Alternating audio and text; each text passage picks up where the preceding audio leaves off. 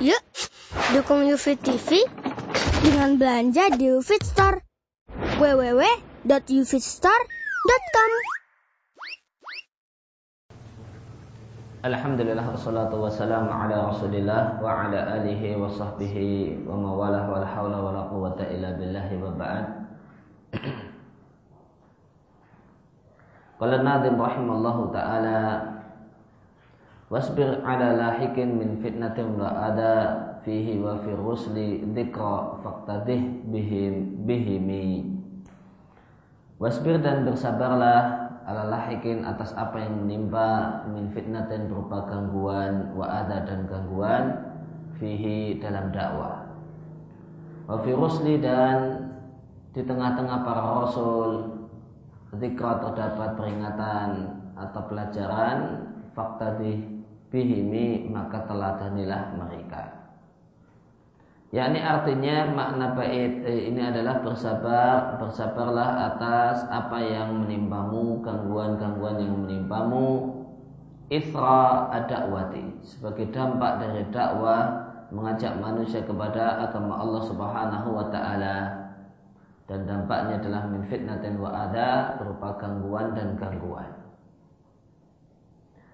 dan di dan di tengah-tengah rasul terdapat dan di antara para rasul dan pada diri para rasul terdapat pelajaran maka ikutilah dan teladanilah mereka sebagaimana firman Allah taala di surat Al-Ahqaf ayat yang ke-35 fasbir kama sabara ulul azmi minar rusul. Maka bersabarlah sebagaimana para rasul ulul azmi bersabar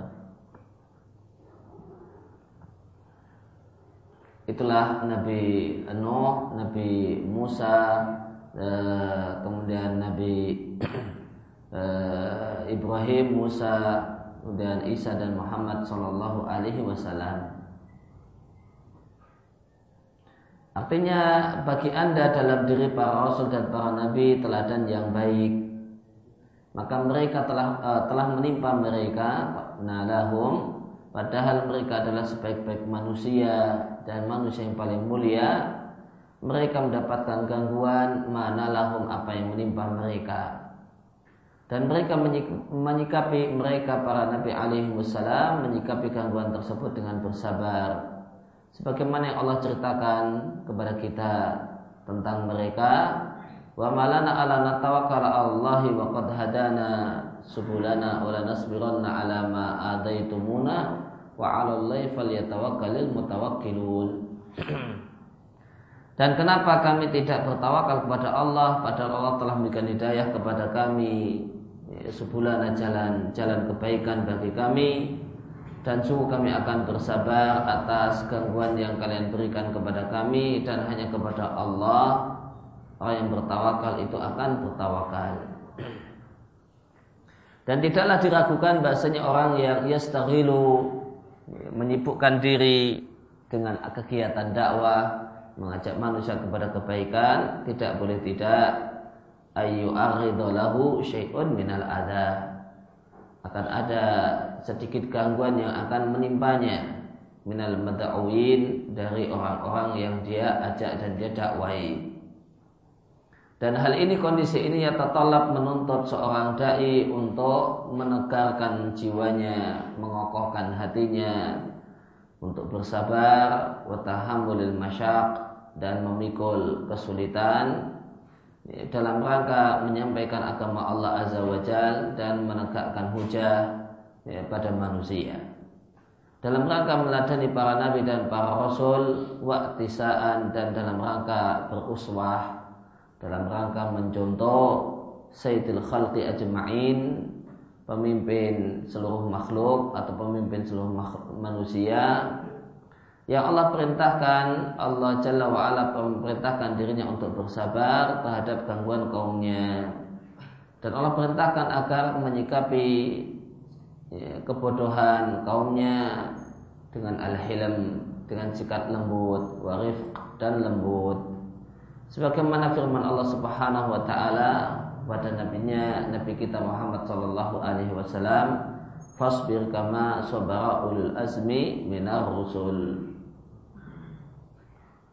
Maka bersabarlah sebagaimana para rasul, para rasulul asmi bersabar wala tasta'jil lahum dan janganlah engkau ini, bersikap tergesa-gesa terhadap mereka. Ya, maka pelajaran yang lain dari surat Al-Ahqaf ayat yang ke-35 ayat ini menunjukkan bahasanya di antara kebalikan sabar adalah tergesa-gesa. Maka di antara kebalikan sabar adalah tergesa-gesa. Tergesa-gesa ingin agar mereka e, segera mendapatkan hidayah itu maknanya tidak sabar di jalan dakwah. Wa, uh, kemudian Allah Subhanahu wa taala juga berfirman wasbir wa masabruka illa billah dan bersabarlah dan kau tidak bisa bersabar kecuali dengan bantuan Allah. Kemudian demikian juga Allah katakan isbir ala ma yakulun bersabarlah engkau terhadap apa yang komentar-komentar yang mereka katakan. Dan ayat-ayat yang mengandung pesan ini perintah untuk bersabar dalam dakwah sangatlah banyak. Ya, wa mura'atu sabri dan memperhatikan sabar dan sikap lembut dalam dakwah memiliki dampak yang luar biasa dalam jiwa orang-orang yang didakwai, terutama di zaman kita saat ini yang merupakan zaman lemah lembut sebagaimana dikatakan oleh Syekh Abdul Aziz Ibnu Baz rahimallahu taala. Beliau katakan hadal asru asru rifqi was sabri wal hikmati zaman ini adalah zaman mengedepankan sikap lemah lembut, sabar dan hikmah dan sikap bijak. Walaisa asal syiddah dan zaman ini bukanlah zaman mengedepankan sikap keras. Kenapa? Karena anasu aktarhum fi jahlin karena mayoritas manusia dalam kebodohan fi ghaflatin dalam kelalaian asik dengan dunia dan hal-hal yang di luar agama wa itharin di dunia dan karena mayoritas manusia dalam kondisi lebih mengutamakan dunia daripada agama. Falabuddha minas sabri maka tidak boleh tidak harus bersabar walabuddha minarifqi dan tidak boleh tidak harus ada sikap lemah lembut. Demikian perkataan uh, Sa'ad Abdul Aziz Ibnu Bas rahimallahu taala. Dan jika kita renungkan bait-bait yang telah lewat, maka kita jumpai bahasanya An-Nazim penyusun nadam rahimallahu taala mengumpulkan dalam bait-bait tersebut empat poin secara urut. Yang pertama adalah kewajiban untuk menuntut ilmu dan mendapatkannya. Kemudian yang kedua mengamalkan ilmu, yang ketiga mendakwahkannya, yang keempat bersabar menghadapi gangguan dalam dakwah. Dan empat poin ini telah terkumpul dalam suratul asr. Ya, wal asri innal insana lafi khusr illa alladziina amanu wa 'amilus shalihat wa tawassaw bil wa tawassaw sabr. Dan Syekhul Islam Muhammad Ibn Abdul Wahab rahimallahu taala telah menjadikan empat poin ini telah cantumkan empat poin ini fi risalatin dalam satu risalah satu tulisan tipis dengan judul Al-Masailul Arba'ah empat permasalahan. Yang Masailul Arba'ah ini dan e, biasa tercetak e, bersama dengan salah satu usul dan diletakkan dalam banyak cetakan sebagai mukaddimah satu usul. Astadallallaha dan beliau berdalil mendalil empat poin ini dengan surat Al-Asr dan terdapat dari Al-Imam Syafi'i rahimahullah taala bahasa beliau berkomentar tentang e, kandungan surat Al-Asr dengan mengatakan lau fakaran nasu kulluhum fi surati wal asr lakafatuhum seandainya manusia seluruhnya itu memikirkan kandungan surat Al-Asr lakafatuhum niscaya itu sudah mencukupi bagi mereka di catatan kaki Perkataan Al-Imam Syafi'i ini dibawakan oleh Ibnu Qayyim di kitab Belum Miftah dari Sa'adah walahu ta'likun nafisun alaihi dan Ibnu Qayyim memiliki komentar yang sangat berharga untuk perkataan beliau ini sangat selayaknya untuk ditelaah. Eh, namun yang dimaksud dengan lakafatuhum sungguh itu sudah mencukupi, maknanya adalah sudah mencukupi untuk memotivasi. Ini, maknanya adalah sudah mencukupi untuk memotivasi sebagaimana penjelasan Sayyidul Semin di sarah beliau untuk salah tatal usul. Yang dimaksud dengan mencukupi itu adalah mencukupi untuk memotivasi, memotivasi untuk beriman, berilmu, beramal, dan uh, ya, ber, berdakwah dan bersabar. Kemudian kalau Nabi rahimallahu taala wa wala wahidun bika yahdihi al ilahu lada khairun ghadan laka min humrin minan na'ami. Sungguh satu orang yang dengan sebab dirimu yahdihil ilahu Allah berikan hidayah kepadanya lada sungguh itu khairun lebih baik rodan esok uh, lebih baik esok yaitu pada hari kiamat dibandingkan min humrim minan na'ami dibandingkan uh, unta merah. Sebagaimana terdapat dalam hadis yang diriwayatkan oleh Bukhari dan Muslim dari Ali ibn Abi Thalib radhiallahu anhu dan hadis ini dibawakan oleh Syekh Muhammad bin Abdul Wahab di matan Kitab Tauhid sehingga Nabi Shallallahu Alaihi Wasallam mengatakan, membacanya dengan menunaikan hak-hak hurufnya, uh, ya, ya maka yang pendek jelas pendeknya, yang panjang jelas panjangnya, yang tebal jelas tebalnya, yang tipis jelas tipisnya dan seterusnya. Wapada an-Nadim dan penulis Nadhar rahimallahu taala memulai dengan motivasi untuk membaca Al-Quran dengan tadabbur dan membaca dengan tartil. Dan ini adalah mencocoki banyak ayat dalam Al-Quran dan hadis-hadis yang sangat yang berbilang yang terdapat dalam sunnah Nabi Shallallahu Alaihi yang isinya ja'afiha ya, ja'afihi atau ja'afiha itu terjemahnya isinya ja'afihi yang isinya atau ja'afiha yang isinya Al-hathu alal inayah. Motivasi untuk perhatian dengan Al-Quran Dengan membacanya Dan takdir dalam membacanya Dan tadabur merenungkan Isi apa yang dibaca.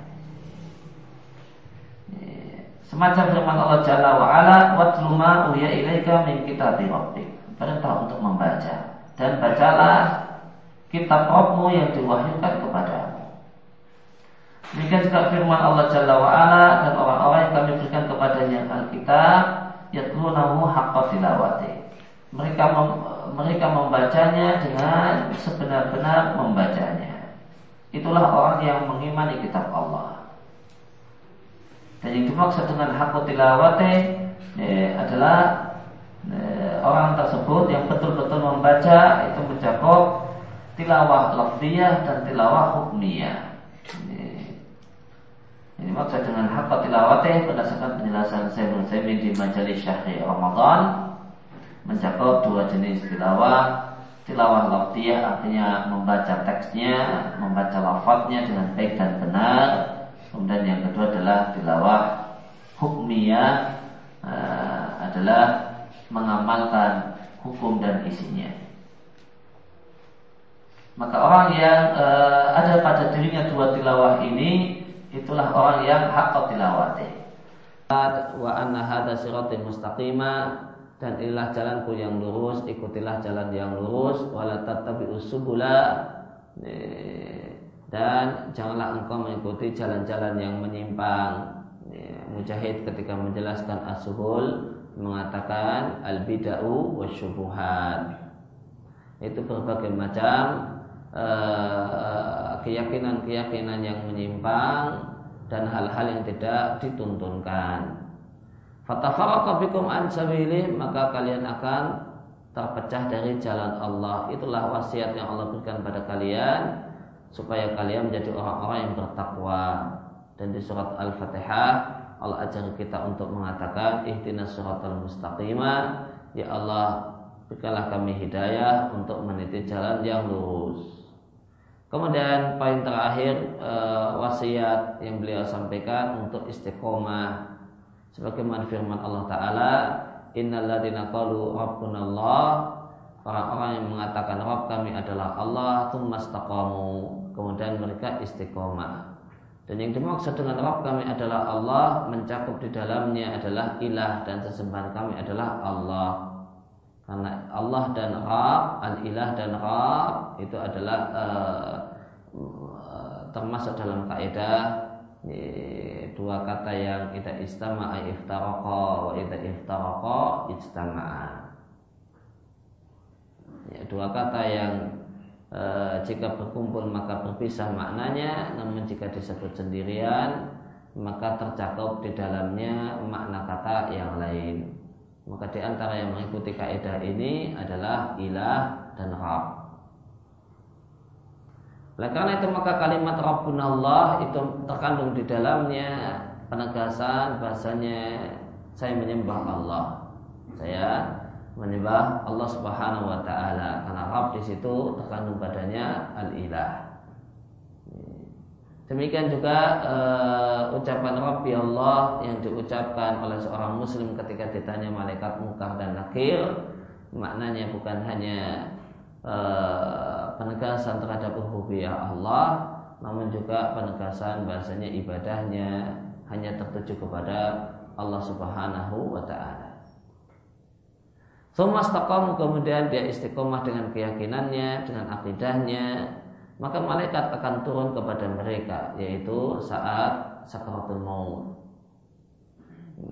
Malaikat akan menghiburnya dengan mengatakan ala takhafu wa la tahzanu. Janganlah engkau mengkhawatirkan apa uh, masa depanmu jangan pula engkau sedih dengan masa silammu yaitu dunia yang kau tinggalkan. Bergembiralah engkau dengan surga yang telah dijanjikan. Kami adalah pelindungmu dalam kehidupan dunia dan di akhirat walakum dan untukmu fiha di akhirat yaitu dalam surga matastahi angfusukum semua yang menyenangkan jiwamu. Walakum dan untuk mufiha di dalam surga mata daun semua apa yang kau minta dan kau inginkan. Nuzulan sebagai sajian sebagai suguhan min rahim. Nuzul itu makna dasarnya adalah suguhan untuk tamu e, nuzulan sebagai sajian dan suguhan dari Allah Subhanahu wa taala ya, yang dia adalah datnya maha pengampun lagi maha penyayang. Dan dalam wasiat Nabi Shallallahu Alaihi Wasallam kepada seorang sahabat bernama Sufyan ibn Abdullah At-Taqafi radhiallahu anhu, Sufyan ini berkata wahai Rasulullah sampaikan kepadaku satu perkara yang akan aku pegangi maka Nabi Shallallahu Alaihi Wasallam mengatakan katakanlah Rabbi Allah Rabb adalah Allah termasuk Rabb di sini adalah ilah terkandung dalam Rabb di sini ilah tsumastaqim kemudian istiqomah Diatkan oleh Tirmidzi dinilai sahih oleh At-Tirmidzi uh, demikian juga diatkan oleh Ibnu Majah dan dinilai sahih oleh Ibnu Hibban dan Al-Hakim.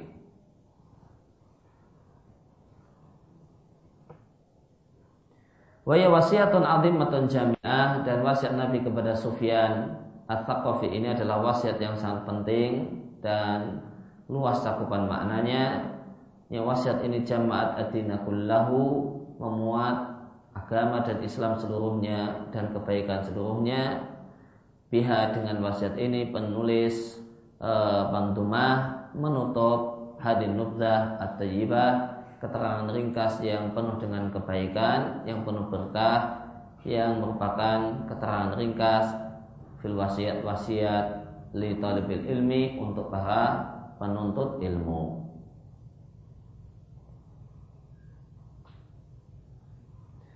Kemudian kita masuk pada bab baru yaitu al-wasiyatu fi kitabillah azza wajal wasiat-wasiat pesan-pesan berkenaan dengan Al-Qur'an.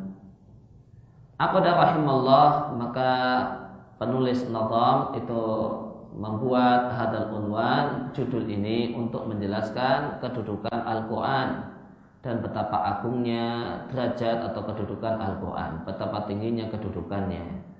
Ya, dan betapa eh, dan kedudukan dan pentingnya tadabbur merenungkan Al-Quran, mengetahui hukum-hukum yang disampaikan oleh Al-Quran, mengamalkan Al-Quran ya, yang muhkam ayat-ayatnya yang jelas maknanya dan mengimani ayat-ayat Al-Quran yang mutasyabih yang tidak jelas maknanya.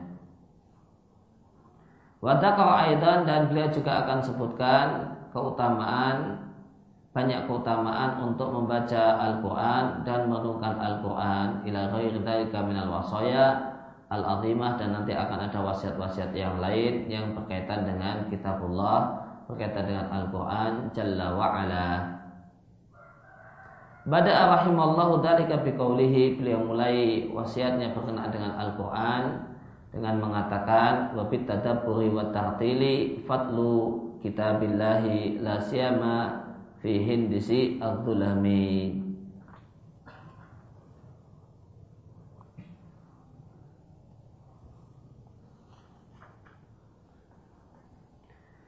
Wa tadabbur maka dengan tadabbur maka renungkanlah maka dengan tadabur dengan merenung watartil dan pelan-pelan. Fatlu kitaballahi bacalah kitabullah.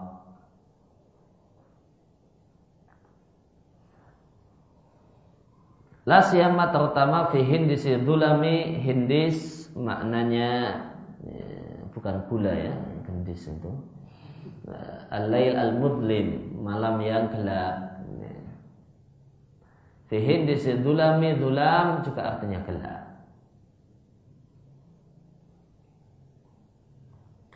Maknanya ai utlu kitab Allah bitadabbur wa tartil bacalah Al-Qur'an sambil merenungkan maknanya dan bacalah pelan-pelan. Dan Allah Jalla wa ala telah memerintahkan untuk tadabbur, merenungkan kitabillah, kitab Allah dalam banyak ayat dari Al-Qur'an. Semisal firman Allah Ta'ala di surat An-Nisa Afala yatadabbarun al-Quran? Tidakkah mereka merenungkan Al-Quran? Seandainya Al-Quran itu bukan e, datang dari selain Allah Jika dia berasal dari selain Allah Lawajadun saya mereka akan jumpai Fihi badannya ikhtilafan kathira Perselisihan yang banyak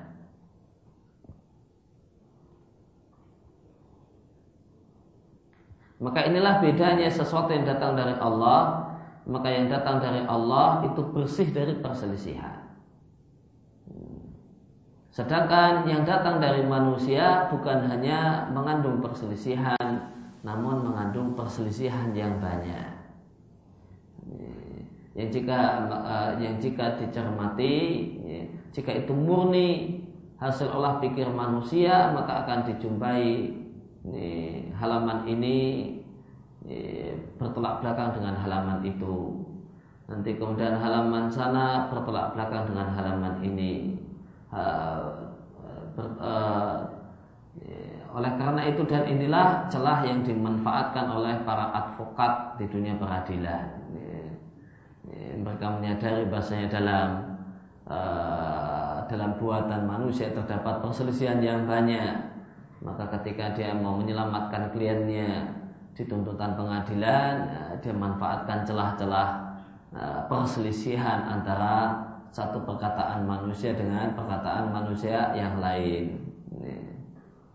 Karena pasti ada itu pasti ada. Tinggal uh, cari perselisihannya di mana karena demikian banyak produk undang-undang buatan manusia nah, itu pasti ada celahnya dia memang nggak selamat di sini, namun pakai selamat kalau pakai nah, pakai undang-undang yang lain dan pakai ayat yang lain, itu pasti bisa selamat. Karena demikianlah tabiat ya, sifat khas karya manusia dan buatan manusia, bukan hanya mengandung satu perselisihan atau dua perselisihan, namun Allah tegaskan pasti di dalamnya terdapat banyak perselisihan. Maka jalan selamat itu sebenarnya banyak. Ya itu yang dicari oleh para advokat. Ya, ya, yang uh, maju tak gentar membela yang bayar. Demikian juga firman Allah Taala afala yatadabbarun al-Quran am ala qulubin aqfaluha? Tidakkah mereka merenungkan Al-Quran Am di sini bermakna bal. Bahkan ada pada hati mereka terdapat banyak gembok-gembok yang mengunci hatinya. Demikian juga firman Allah Subhanahu wa taala, "Afalam yatadab yadabbarul qawla? Tidakkah mereka menurunkan perkataan itu yaitu Al-Qur'an? Am ja'ahum malam ya'ti aba'ahum al-awwalin. Bahkan datang kepada mereka satu keterangan yang belum datang kepada nenek moyang mereka terdahulu Demikian juga firman Allah Ta'ala, Kitabun Al-Quran adalah kitab Angzalna yang kami turunkan kepadamu, Mubarakun penuh berkah, penuh kebaikan. Di antara kebaikan Al-Quran, orang yang membacanya mendapatkan pahala setiap hurufnya. Demikian juga manfaat-manfaat yang lain. Di antara keberkahan Al-Quran adalah uh, dia bisa menjadi bacaan untuk ruqyah bagi orang yang sakit. Bisa dibacakan pada orang yang sakit dan manfaat biidnillah. baru ayatihi eh, dan Al-Quran Allah turunkan dengan dua tujuan. Yang pertama baru ayati supaya mereka merenungkan isi kandungannya eh, dan tentu tidak ada tadabur kecuali ada kiroah sebelumnya dibaca dan direnungkan waliyatadzakar albab. Tadabbur maknanya adalah al-amal waliyatadzakar ulul albab dan orang-orang yang berakal akan mengamalkannya dan akan diamalkan isi kandungannya oleh orang-orang yang berakal. Orang-orang yang berakal yang berpikir jauh ke depan yang mengingat yang tidak tidak yang memikirkan masa depan akhiratnya bukan hanya masa depan dunianya tentu akan mengamalkan isi kandungan Al-Qur'an. Maka inilah uh, sejumlah ayat yang isinya adalah al-hatu dorongan untuk tadabbur merenungkan kitabullah Jalla wa ala. Wa tadabbur dan tadabbur itu uh, caranya adalah bita'ammul dengan merenungkan makna, tafakkur dan memikirkan kandungan, wa akli dan memikirkan apa yang maksud Allah Subhanahu wa taala. Bihaisu artinya hadul habdi jatah seorang hamba dari Al-Quran adalah membaca huruf ditambah faham makna dan kandungan. Layakun hadu dan bukanlah jatah seorang hamba dari Al-Quran semata-mata ikomati hurufi. Semata-mata menegakkan secara sempurna, memberikan secara sempurna hak-hak huruf tanpa memikirkan isinya. Kemudian uh, dan dengan tartil, ya, tartil maknanya adalah al-qiraah bitamahul, membaca dengan pelan, tidak ngebut. Itu makna tartil, salah satu makna tartil sebagaimana firman Allah taala wa qur'ana tartila dan bacalah Al-Qur'an secara tartil. Artinya ikra'u bitamahul. Bacalah dengan pelan. Maka membacanya dengan pelan itu sangat membantu untuk bisa faham dan merenungkan.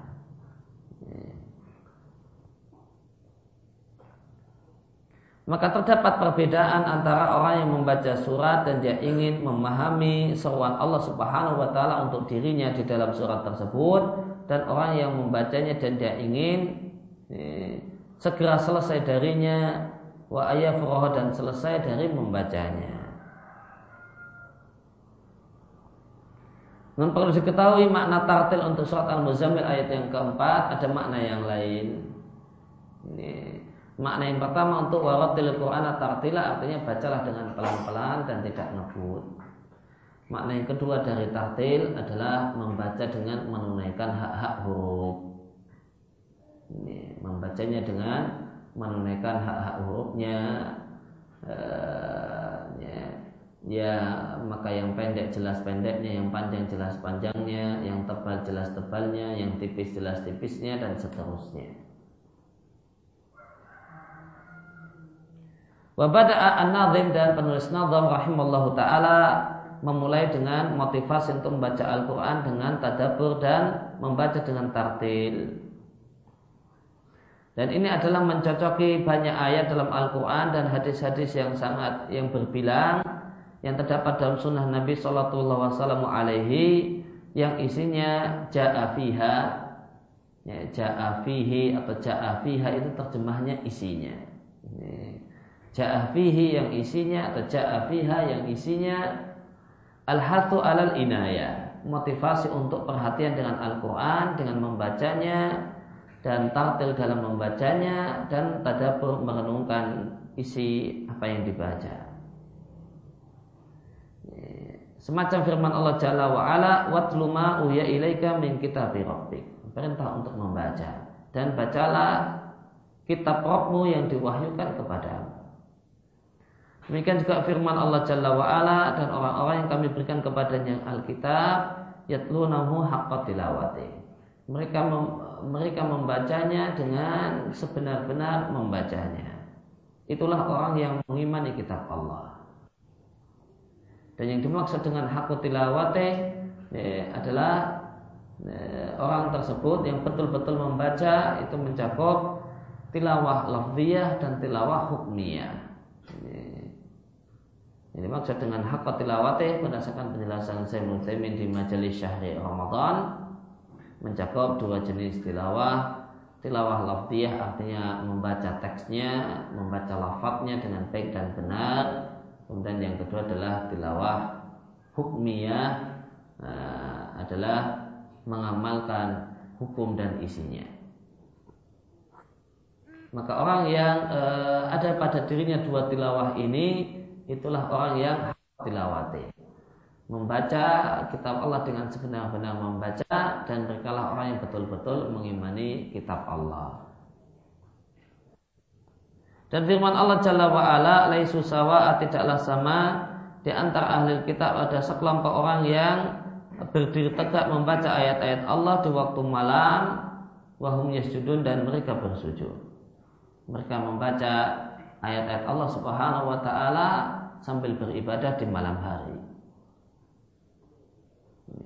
Maka ini menunjukkan uh, di antara waktu yang terbaik untuk membaca kitabullah adalah malam hari. Dan di antara waktu yang terbaik untuk membaca kitabullah adalah membaca Al-Quran di sholat malam. Dan firman Allah Jalla wa'ala Innal ladhina kitab Allah Dan orang-orang yang membaca kitab Allah dan menegakkan sholat Dan membelanjakan apa yang Menginfakkan apa yang kami berikan kepada mereka Mereka infakkan secara sembunyi-sembunyi Ataupun terang-terangan Dan mereka eh, mereka adalah orang-orang yang eh, berharap Mengharapkan perdagangan yang tidak akan merugi dan ayat-ayat yang mengandung pesan ini sangatlah banyak dalam Al-Quran. Demikian juga terdapat dalam sunnah, terdapat dalam hadis, sejumlah hadis. Fil hati berisi dorongan untuk membaca Al-Quran, membacanya dan membacanya dengan tartil dan tadabbur. Dan terdapat uh, terdapat banyak hadis yang berisi tentang keutamaan hal ini. Antaranya adalah sabda Nabi alaihi salatu wasallam, perisalan mukmin yang rajin membaca Al-Quran semacam buah utruja. Baunya wangi dan rasanya enak. Muttafaqun alaih diatkan oleh Bukhari dan Muslim. Demikian juga sabda Nabi Alaihissalam kepada para sahabat, siapakah di antara kalian yang ingin berangkat, ingin berangkat pula yaumin setiap hari ke daerah Butahan atau ke Al-Aqiq Lalu sepulang dari Butuhan maka dia pulang membawa dua unta betina kauma waini kauma artinya unta betina yang besar punuknya pulang-pulang membawa dua ekor unta dan itu bukan tanpa membawa dosa dan tanpa memutus hubungan kekerabatan.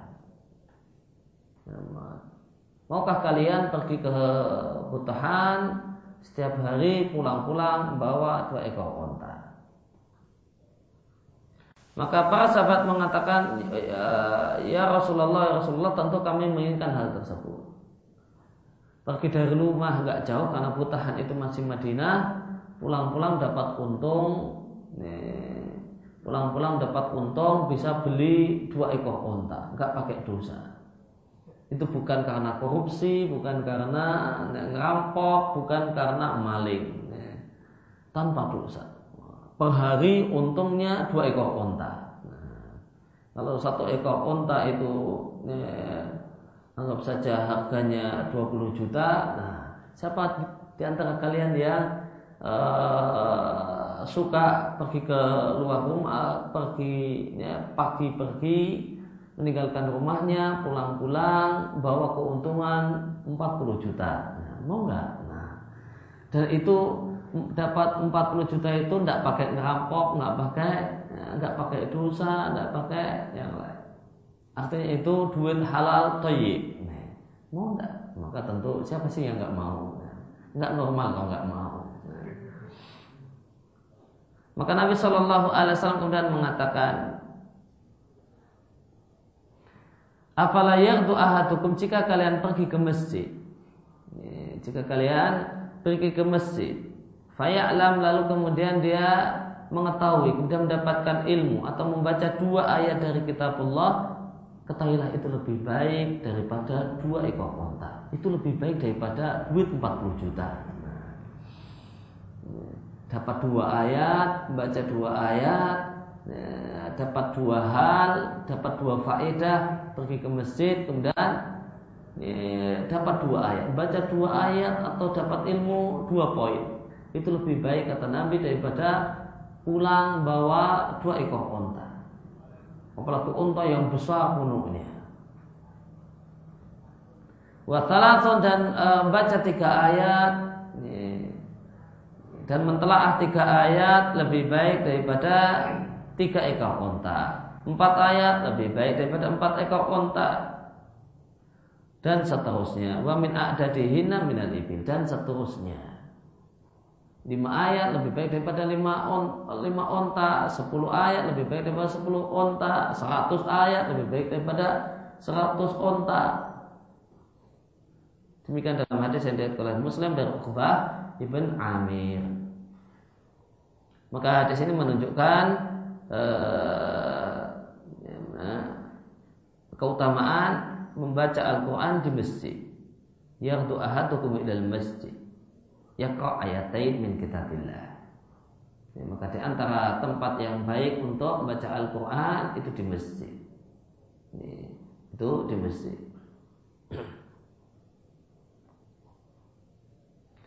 Ya, kemudian sabda Nabi Shallallahu Alaihi Wasallam tidaklah berkumpul, ya, tidaklah berkumpul sekelompok orang di salah satu rumah Allah kemudian membaca kitabullah, membaca Al-Qur'an. Ini dalil di antara tempat yang mulia, tempat yang uh, mulia untuk membaca Al-Qur'an dalam masjid. Kemudian mereka mengkajinya di antara sama mereka kecuali turun pada mereka ketenangan, berlimpah kepada mereka rahmat Allah, malaikat mengelilingi mereka dan Allah menyebut-nyebut mereka fiman indahu di di hadapan makhluk yaitu malaikat yang ada di sisi Allah. Dia oleh Muslim dari sahabat Abu Hurairah dan ini adalah salah satu hadis di Arba'in Nawawiyah.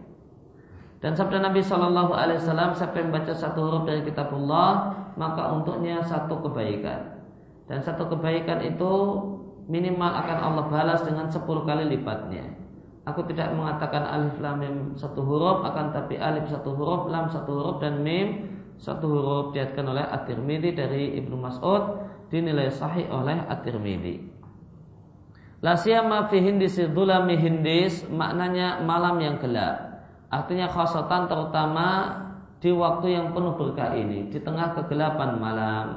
Sebagian dikatakan oleh An-Nawawi Asy-Syafi'i rahimallahu taala di kitab Al-Atibyan fi Adab Hamalatil Quran beliau mengatakan pasal tentang waktu yang terbaik untuk baca Al-Quran. Ketahuilah bahasanya afdalul qiraah bacaan Al-Qur'an yang terbaik ya adalah bacaan Al-Qur'an yang dipakai untuk sholat. Wa amal qiraatu fi ghairi sholati adapun baca Al-Qur'an di luar sholat maka yang terbaik adalah membacanya di waktu malam. Dan malam tentu ada awal malam dan akhir malam. Dan separuh yang kedua dari malam itu lebih utama daripada separuh yang pertama.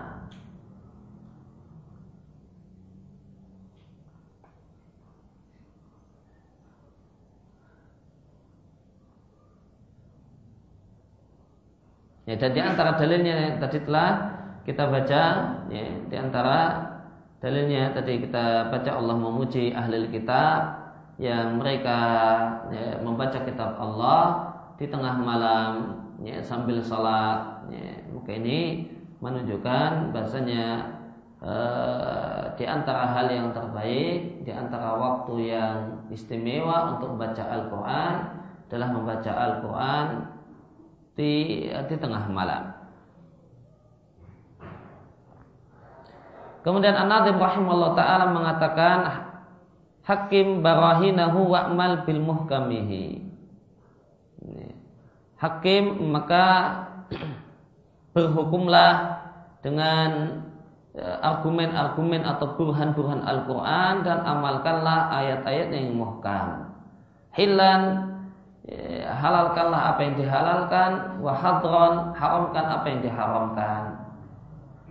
Wa maqad haddau dan apa yang telah batasan yang telah diberikan oleh Al-Quran, atimi maka tegakkanlah. Hakim barahinahu, barahin maknanya hujat wal bayinat. Hujah dan bayinat. Maknanya ihtakim ilaihi, berhukumlah kepada Al-Quran. Dan jadikanlah Al-Quran adalah al-mu'awwal alaihi, menjadi patokan. Fima ya'ti fima ta'ti wa tadaru dalam apa yang engkau lakukan dan apa yang tidak engkau lakukan. Fi jami'i su'unika dalam semua keadaanmu. Dan amalkanlah ayat-ayat yang muhkam. Muhkam artinya al-bayin al-wadihud dalalah. Yang jelas dan gamblang eh, kandungannya. Sebagaimana firman Allah Ta'ala dan dialah Allah dat yang telah menurunkan Alkitab itu Al-Quran kepadamu minhu di antara isi Al-Quran ayatun muhkamah terdapat ayat yang muhkam Hunna ummul kitab itulah induknya Al-Quran. Wa ukharu mutasyabihat dan yang lain adalah mutasyabih yang tidak jelas maknanya. Hilan wa hadran artinya dalam halal dan haramnya. Al-hadr maknanya al-mana' terlarang. Fakun maka jadilah engkau orang yang mengamalkan ayat-ayat Al-Quran yang muhkam berkenaan dengan hak hukum halal dan haram, hukum mubah dan terlarang. Kemudian akim hudud Al-Quran tegakkanlah batasan-batasan yang telah ditetapkan oleh Al-Quran. Maka janganlah la takun ikomatul Quran lil hurufi faqat. Maka jangan hanya menegakkan hak-hak huruf saja. Ya, demikian perhatian bagaimanakah mengucapkan sok, bot dan yang lain. Namun akim hurufahu wa akim hududahu. Namun tegakkanlah hak-hak huruf, demikian juga tegakkanlah batasan dan aturan-aturan Al-Quran. Belajar tajwid tidaklah tercela, namun yang tercela orang itu berhenti di di situ.